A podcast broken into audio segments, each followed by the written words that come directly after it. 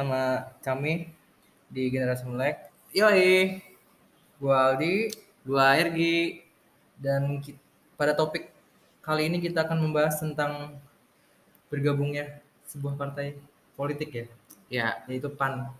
ke dalam pemerintahan Presiden Joko Widodo. Nah, itu topik utama kita. Mungkin ba- nanti bakal menyebar ke mana-mana. Ya, stay tune aja, ikutin. Ya, oke. Jadi kita mau bahas tentang PAN nih ya, yang kali ini akhirnya join lagi, lagi ya, karena dulu juga sempet gini sih di periode Hmm. pertama mereka mendukung lawan dari Presiden Jokowi, namun kemudian di tengah jalan mereka bergabung akhirnya dengan pemerintah. Betul. Dan kali ini kembali terulang, tapi kondisinya lumayan berbeda nih ya. Kenapa tuh? Iya kalau kalau dulu kan eh sama sih ya, masih Zulhas juga ya tuanya. Hmm. Cuman bedanya sekarang udah nggak ada Amin Rais. Oh iya. Iya kan? Dia dia udah buat partai baru kan? Iya, dia bikin partai umat namanya. Waduh. Mungkin karena Amin Rais keluar juga kali ya, makanya PAN sekarang berani-beraninya masuk lagi ke Hmm. pemerintahan Jokowi. Tapi sebenarnya emang menurut gua nih ya, emang kayaknya Zulhas ini dari dulu emang deketnya sama Jokowi gitu. Cuman Oke. karena partainya ini condong eh, apa konstituen dan anggota partainya ini mungkin setengah lebih itu Hmm. orang-orang yang anti Jokowi ya karena kebanyakan juga pengagumi Amin Rais karena ini kan partai yang dibangun Amin Rais dulu kan ya Oke. Oh, tapi kok jadi beda gitu ya sekarang kayak dia ya? nah itu Jadi bermanuver. karena pemimpinnya Zulhas Zulhas itu udah nggak terlalu strict ke si Amin Rais lagi gitu Oh iya iya. Udah lebih lebih apa ya oportunis mungkin atau Ya. justru emang emang dia serak aja gitu ke Presiden Jokowi jadi di bawah tangan dia nih pan em, melabuhkan hmm, sayapnya ke Presiden Jokowi menggapakan sayap pan ya. Mm-mm. terus gimana menurut lo Ya nggak tahu sih ya. Gue pikirnya deh kan sebelumnya udah ada isu-isu tentang amandemen UUD tuh ya.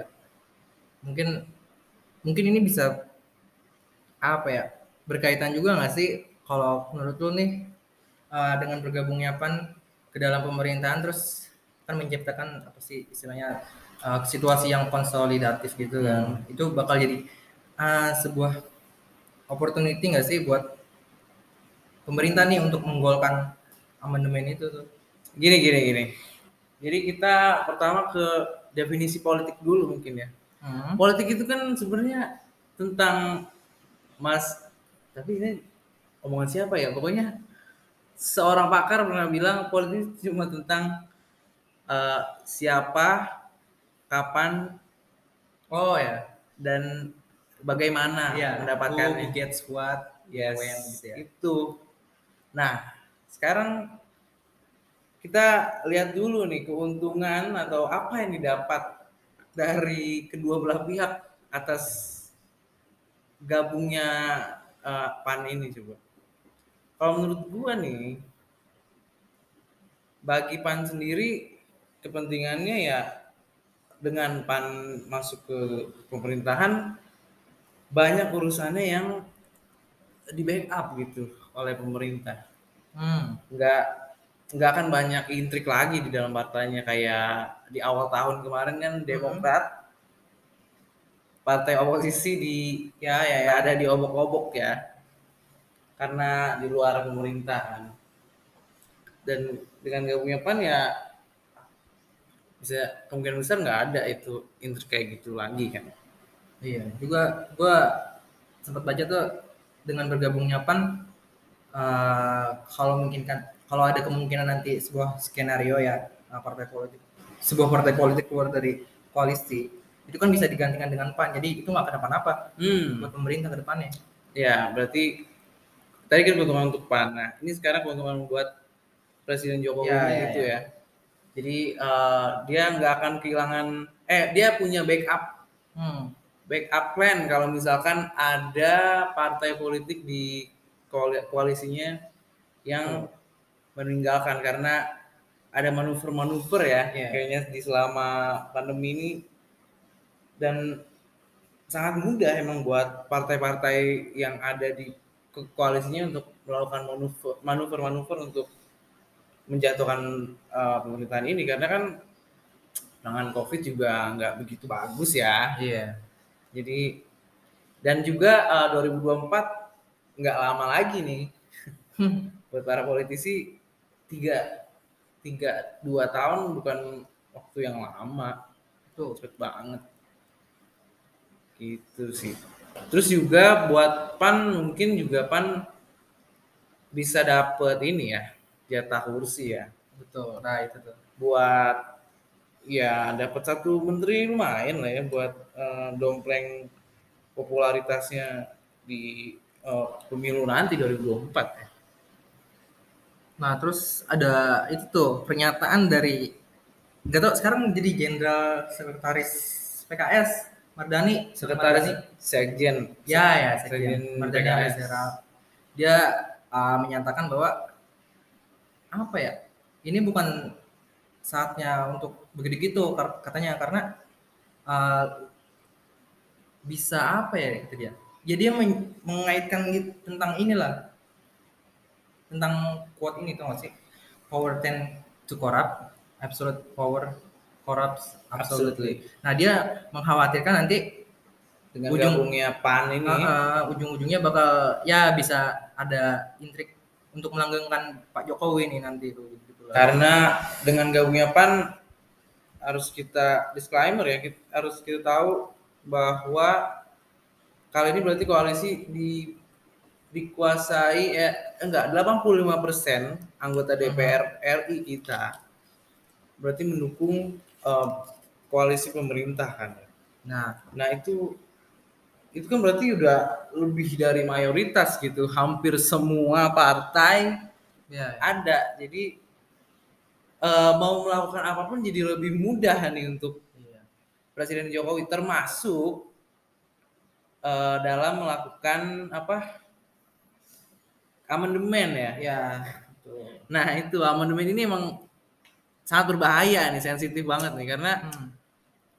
eh, dengan amandemen ini apa pun bisa terjadi gitu termasuk pe- perpanjangan masa jabatan presiden yang ditakutkan oleh banyak orang termasuk tadi eh, Mardani Alis- Alisera sendiri ya dari partai oposisi dan iya iya bisa jadi emang ini tadi selain keuntungan keuntungan yang tadi tuh ya disebutin dari mulai Pak Jokowi maupun dari PAN eh, bisa jadi dari Pak Jokowi juga keuntungan lainnya adalah selain memperkuat koalisi ya itu juga bisa buat eh, melanggengkan kekuasaannya dengan cara mengamandemen am- UUD 1945 karena kan syarat eh, apa amandemen itu kan dua per tiga dari anggota MPR ya MPR itu kan dari DPR dan DPD gabung gitu oh Nah dengan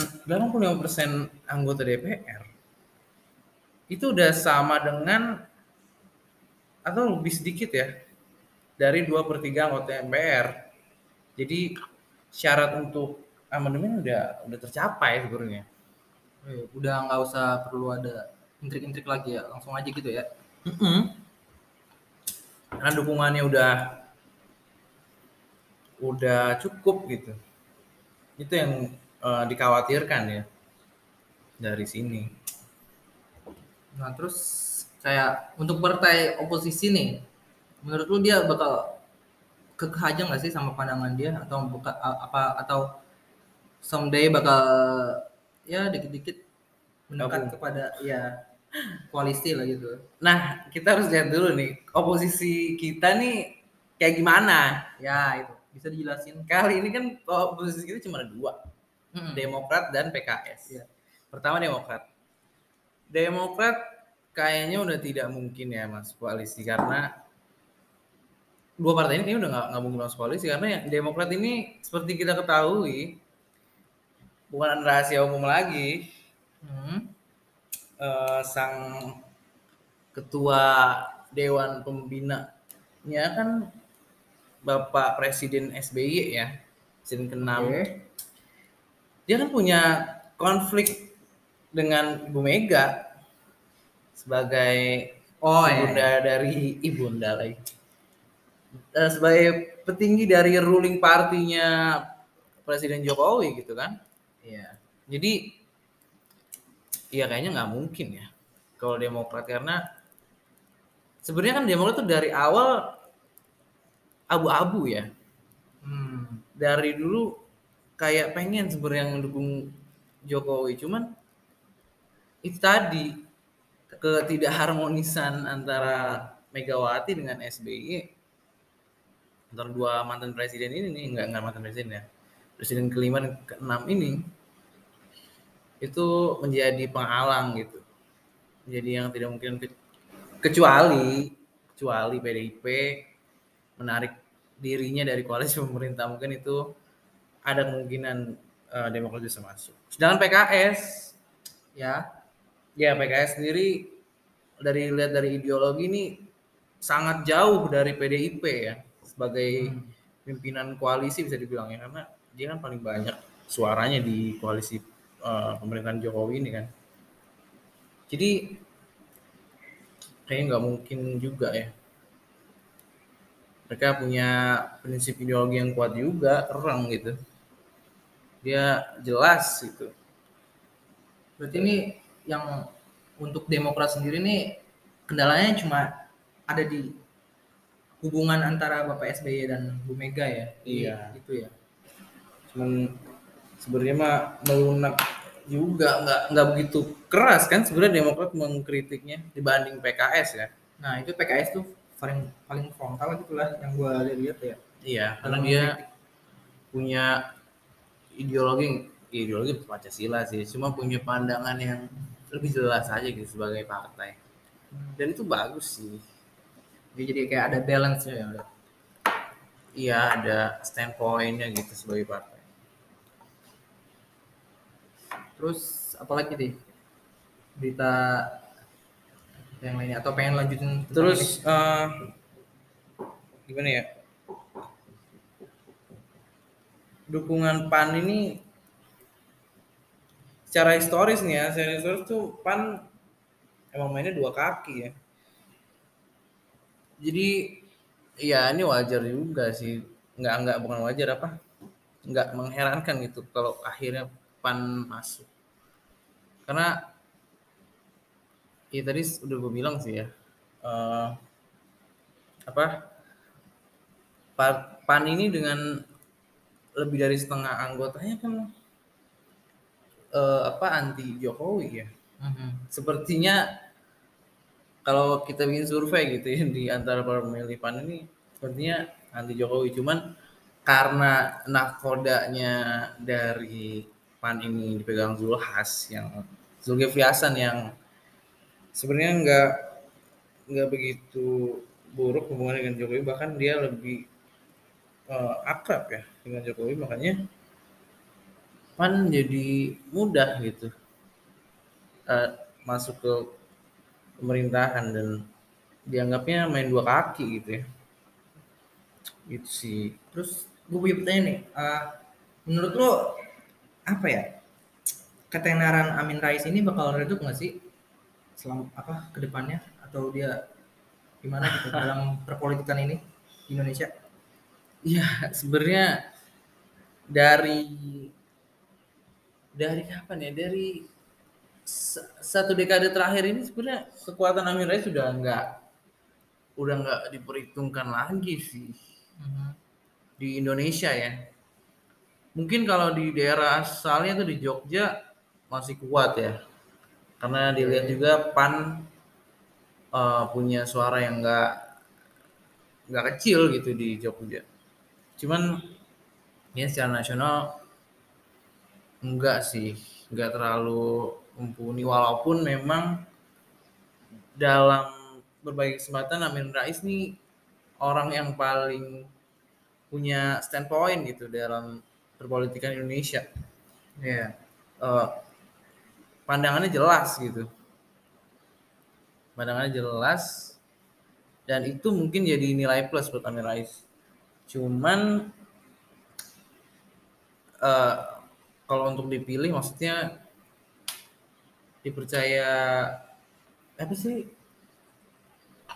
pertanyaan lo apa ke depannya ya Iya, ke depannya dia bakal main main terus nggak sih dalam perpolitikan Indonesia gitu? Iya kalau main mah main terus, cuman kalau untuk dipercaya rakyat belum tentu ya. Walaupun jelas gitu ya. Marketnya jelas sih, dia Muhammadiyah.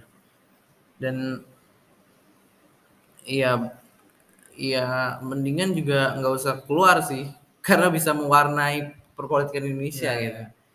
Lebih menarik lagi karena dia punya pandangan yang jelas untuk politik Indonesia ke depannya. Tapi untuk didukung masyarakat Indonesia belum tentu gitu sih.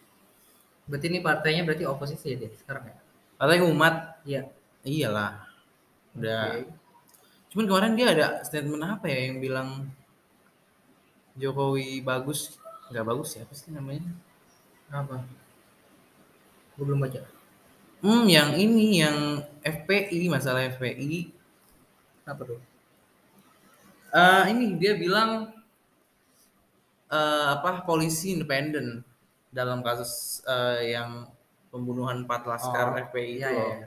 Kan awalnya dia bilang ini ada permainan dari polisi kan. Polisi Mhm. harus eh, apa bertanggung jawab gitu. Cuman setelah kasusnya kelar kemarin justru dia berbalik arah. Dia bilang "Ah, ini semua udah clear, nggak ada salah dari polisi. Dan Iya itu menjadi pertanyaan juga sih. Kenapa ya? Apa agar partainya nanti lolos verifikasi pemilu? Nah, nggak tahu juga ya. Tapi biasanya gitu sih. Eh, orang-orang Iya karena kan eh, gini, partai politik di Indonesia ini kan sekarang kalau mau disahin itu lewat menteri, kementerian gitu kan. Kementerian dipegang siapa? Pemerintah dong. Jadi Mhm. mau nggak mau kayaknya sih semua harus oportunis dulu ya untuk mendapatkan itu. Termasuk Betul. Pak Fahri Hamzah kan. Pak Fahri Hamzah juga kan punya partai Oh. baru kan. Gelora ya? Iya partai Gelora kan. Sekarang gimana? Dulu dulu gimana? Dulu kan berisik banget tuh. Iya. Cuman sekarang melunak. Biar apa? Kalau menurut gue sih ya biar biar iya biar dilolosin di verifikasi pemilunya biar partainya lolos nanti di pemilu 2024 Oke. jadi wajar aja nih Amin Rais beberapa bulan terakhir nih nggak ada suara-suara sumbang ya buat Hmm. pemerintahan Jokowi biasanya tiap bulan ada aja tuh statement kontroversialnya gitu Nah, terus ke depannya nih bakal pan bakal gimana ya dia? Bakal gabung terus nggak sih kata lu ke depannya? Atau kalau mungkin akan ada parpol parpol yang keluar dari koalisi pemerintah nanti ke depannya? Nah, ini nih, ini masih misteri nih. 2024 nih sulit sulit ditebak. Emang Eh, kocokan pilpresnya nanti nih bakal koalisinya bakal berubah. Udah nggak nggak kayak 2014 atau 2019 lagi nih. Pasti ada poros-poros baru yang susah ditebak sih kalau sekarang. Gitu, gitu sih. Jadi PAN juga nggak tahu deh bakal ngerapat ke mana karena dia uh, suaranya juga nggak terlalu besar gitu ya. Jadi bisa aja gabung ke ke dulu, uh, kita lihat dulu uh, ininya petanya gimana ya. Petanya kan kalau menurut gue nih ada tiga poros nih nanti buat ke 2024 Oh, apa aja tuh? Ada uh, porosnya ini Gerindra PDI, Oke. Anies Anies bisa di bisa di backup Golkar Nasdem Mhm. dan yang ketiga ini eh siapa ya? Ganjar. Oh iya Ganjar. Ganjar nih bisa. Nah ini juga masih bingung nih. Itu Ganjar gimana tuh?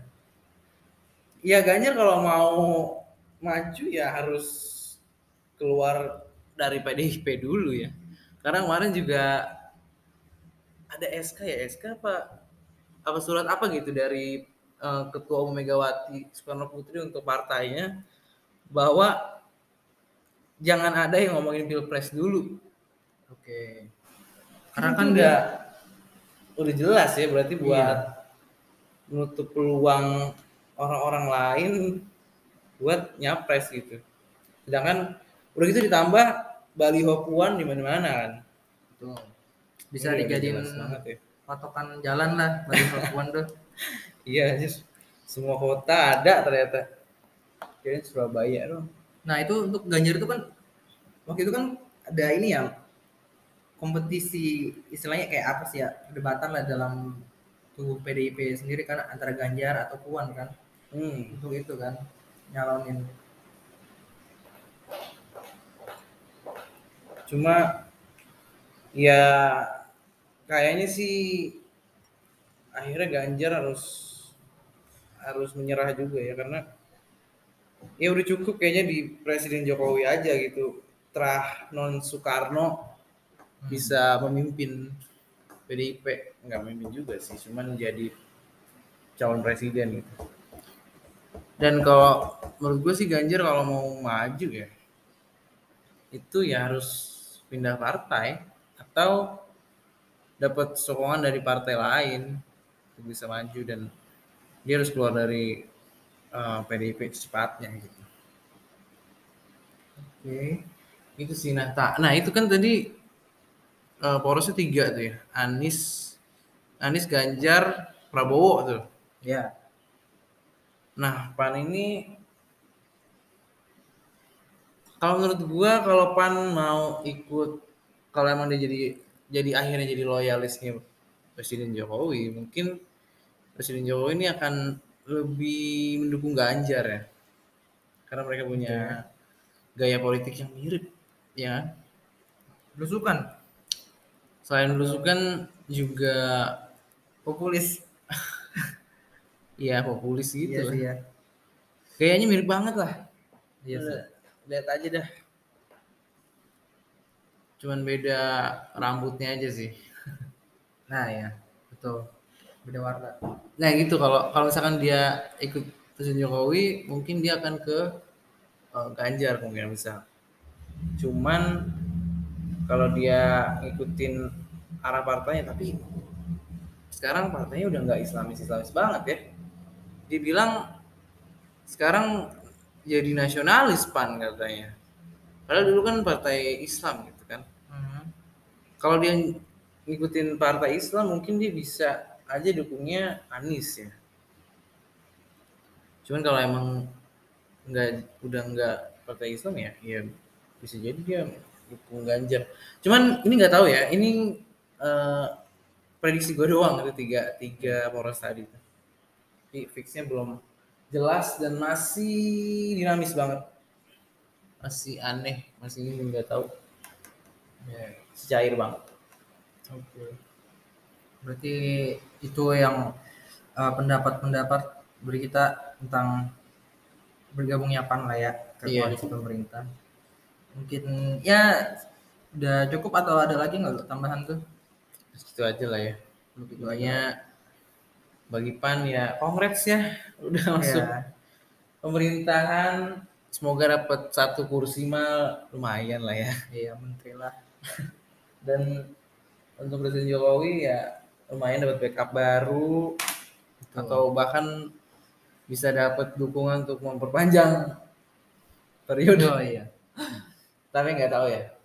Presiden Jokowi sih beberapa tahun terakhir menegaskan untuk menolak untuk diperpanjang uh, masa, masa jabatannya.